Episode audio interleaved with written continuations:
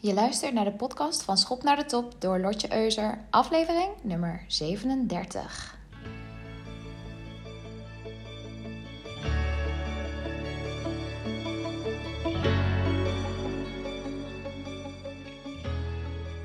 Ha, mooie ondernemers. Nou, het kan zijn dat je een beetje gerommel op de achtergrond hoort, want ze zijn hier beneden, waar ik werk, zijn ze dus een enorme Albert Heijn XL aan het bouwen. En ehm, ja, het is in volle gang. Volgens mij loopt de planning een beetje achter, want ze zouden eigenlijk in februari opleveren. En het is, ja, nu, nu wordt het april.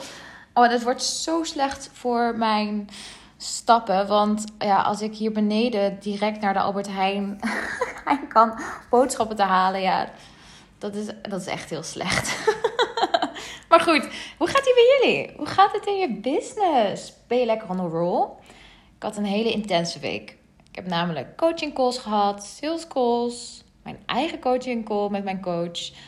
Leads opgevolgd op echt hele uiteenlopende manieren. Ik was echt enorm creatief. Dus ik ben lekker ja, druk geweest. En ik zit lekker in de flow. Ben aan het voorbereiden voor dit weekend. En normaal gesproken werk ik, werk de zaak is ik niet in het weekend. Maar ik ga morgen en overmorgen iets heel leuks en verrassends doen op mijn Instagram. En ja, ik kan je nog niet vertellen wat het is, want ik hou heel erg van het verrassingseffect. Maar het wordt echt groot en het wordt geweldig. Nou, en als je me al iets langer volgt, dan weet je dat ik vorig jaar ben begonnen met het oppakken van pianolessen. Ik speelde altijd al piano vanaf mijn tiende, maar ja, ik merkte dat ik niet zo snel vooruit kwam afgelopen jaren als ik had gehoopt. En ik wilde dus heel graag Liefdestraum spelen van Liest. Echt een geweldig stuk. Luister het zeker even op Spotify. Het is zo prachtig. Maar het lukte me niet. Dus ik ben op pianoles gegaan om dat stuk te leren. En ik heb echt de tijd van mijn leven. Dit is zo'n goede beslissing geweest. En doordat ik het mezelf, ja, piano altijd mezelf heb aangeleerd, mis ik dus techniek.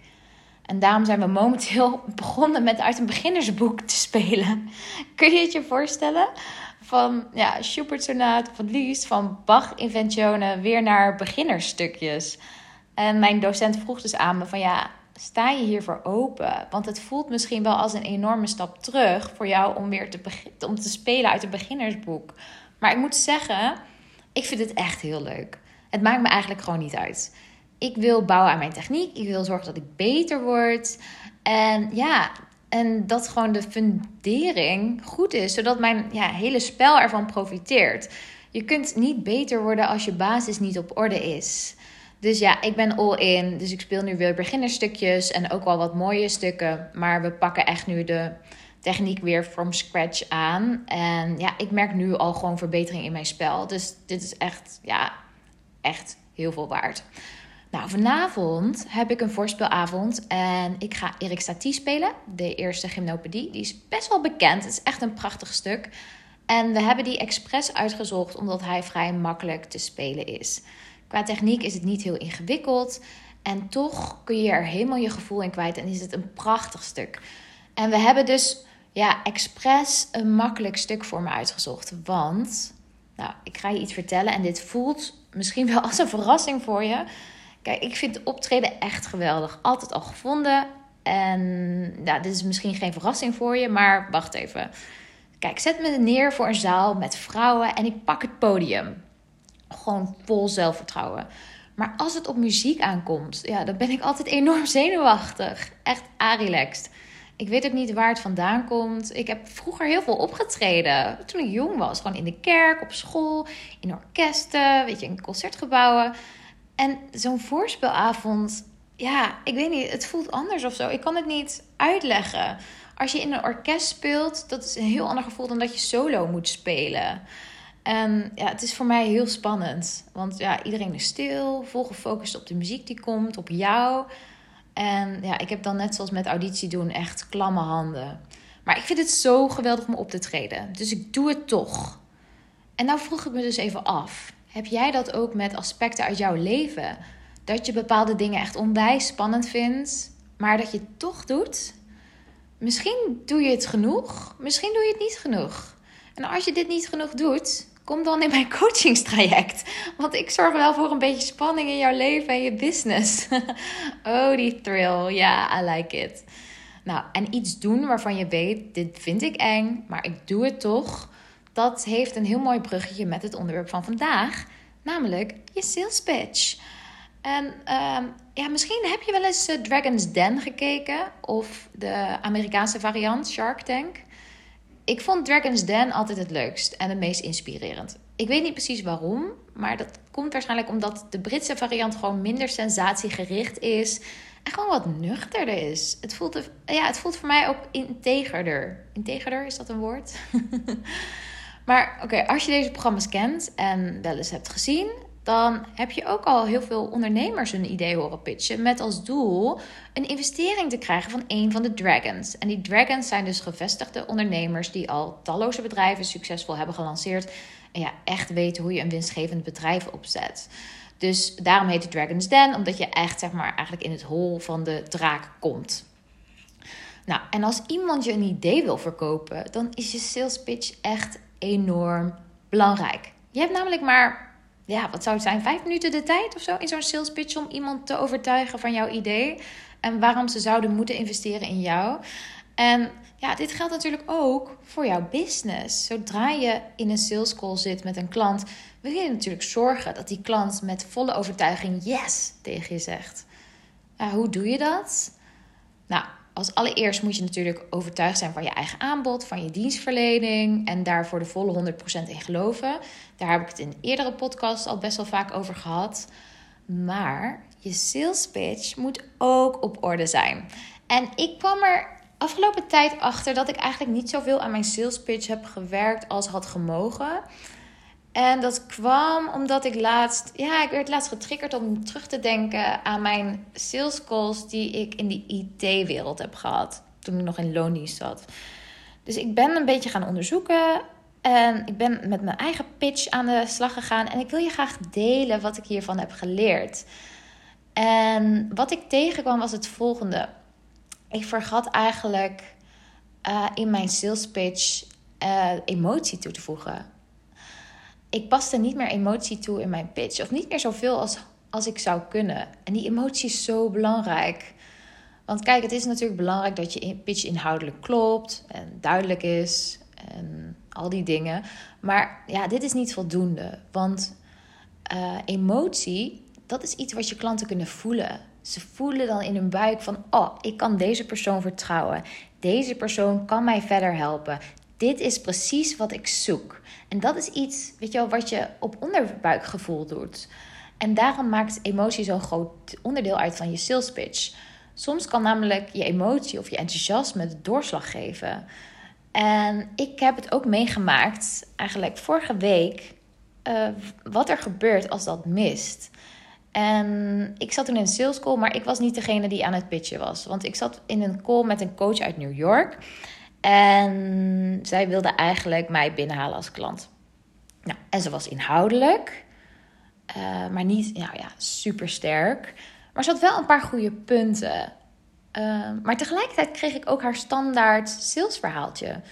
Zo van: oké, bied je aanbod in dollars aan. Ga in het Engels praten. En ik dacht, op dat moment van: Hallo, heb je wel gezien hoe laag de dollar staat momenteel? Dus ik dacht van ja, waar komt dit vandaan? Het voelde niet per se persoonlijk. Alsof ze gewoon haar vaste punten opnoemde, die ze tegen iedereen opnoemt. En verder had ze echt wel een paar goede tips. Maar het was gewoon heel Amerikaans. Zo van haal minimaal 100 e-mailadressen binnen per week om die lead generation echt aan te zwengelen. En ja, het was interessant. En ik wil haar ook vooral niet bashen, want ze is echt ontzettend goed in wat ze doet. Maar ik merkte van, dit past niet bij mij. En ik merkte ook nog iets anders. Ik miste ook nog iets anders. Namelijk haar enthousiasme en haar toewijding om mij te helpen. En ja, ik, ik voelde dat niet helemaal, want ze, ze kwam gewoon vrij afstandelijk over. En ik weet niet of dit iets typisch New York-achtigs is. Want ik heb namelijk een vriendin en zij is naar New York verhuisd en praat ook altijd over hoe afstandelijk de New Yorkers zijn en hoe moeilijk het daar is om vriendschappen op te bouwen als buitenstaander. Maar ik miste echt haar, ja, haar emotie. Dus los van of het aan New York ligt of niet, of de inwoners van New York, had zij mij kunnen binnenhalen.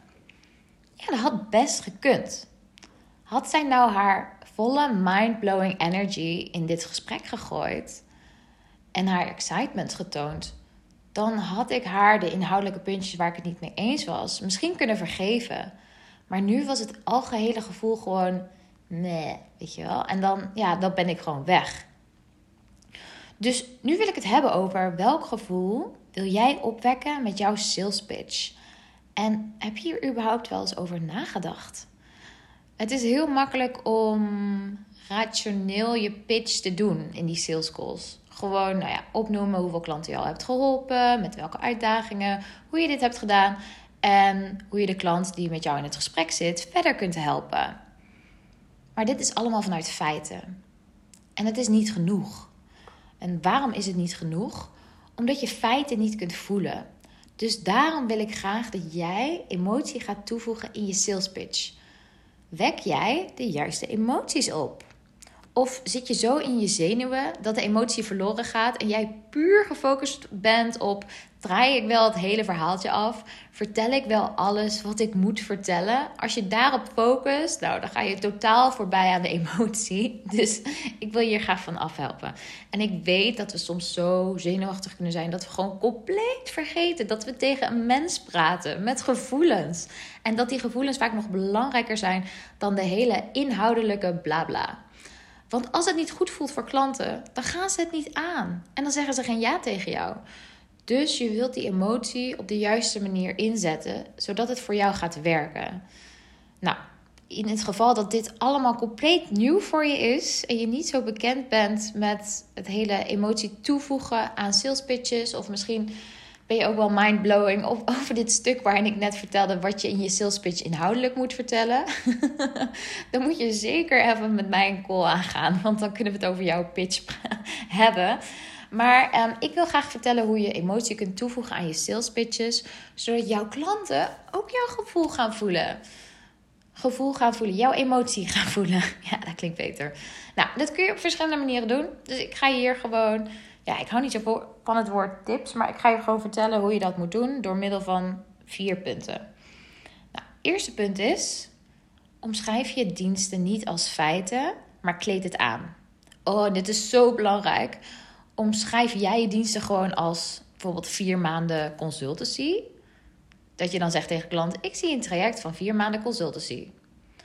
Of vertel jij het op deze manier? Vertel jij over een vier maanden traject waarin je al je toewijding en ondersteuning gaat bieden om project X tot een succes te maken. Als ik in sales zit en ik ga pitchen, dan zeg ik ook niet tegen klanten: nou, je krijgt zes coaching sessies gedurende drie maanden. Nee, ik zeg dan hele andere dingen. Ik kleed het echt aan. Ik zeg dan: ik zie jou, ik vind het geweldig wat je doet en ik zou je nog zo graag verder helpen, want ik zie zoveel potentieel in jou. En dat zou ik doen door je uh, mijn volledige focus te geven in de coaching sessies op het gebied van X, zodat jij kunt thriven.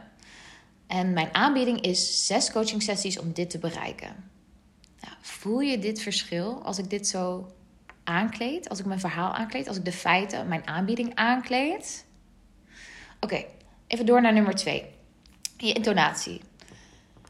Ik ben iemand, en dat merk je natuurlijk al in deze podcast, die heel enthousiast praat ik word ook best wel vaak bubbly en positief genoemd en enthousiast. En, nou, ik heb dat van nature al mee. En ik moet mezelf vaak nog een beetje inhouden. Of nou ja, het iets beter faseren. Inhouden klinkt zo negatief. Ik hou me niet in, maar ik faseer die energie die ik heb. Anders wordt het echt een grote bom van explosieve energie. En de meeste mensen kunnen dat niet aan. Ze kunnen niet een uur lang naar mijn explosie luisteren. Dat kun jij ook niet in deze podcast. Dus ik probeer mijn energie een beetje te faseren. En dat is iets wat jij ook mag doen. Maar het kan zijn dat jij niet zo'n bommetje energie bent um, als ik. Uh, dan is het gewoon heel belangrijk dat je wel bewust bent van hoe je je, manier op die, hoe je je stem op de juiste manier gebruikt als je pitcht. En dat je het niet eentonig maakt. Dat je er geen eentonig verhaal van maakt.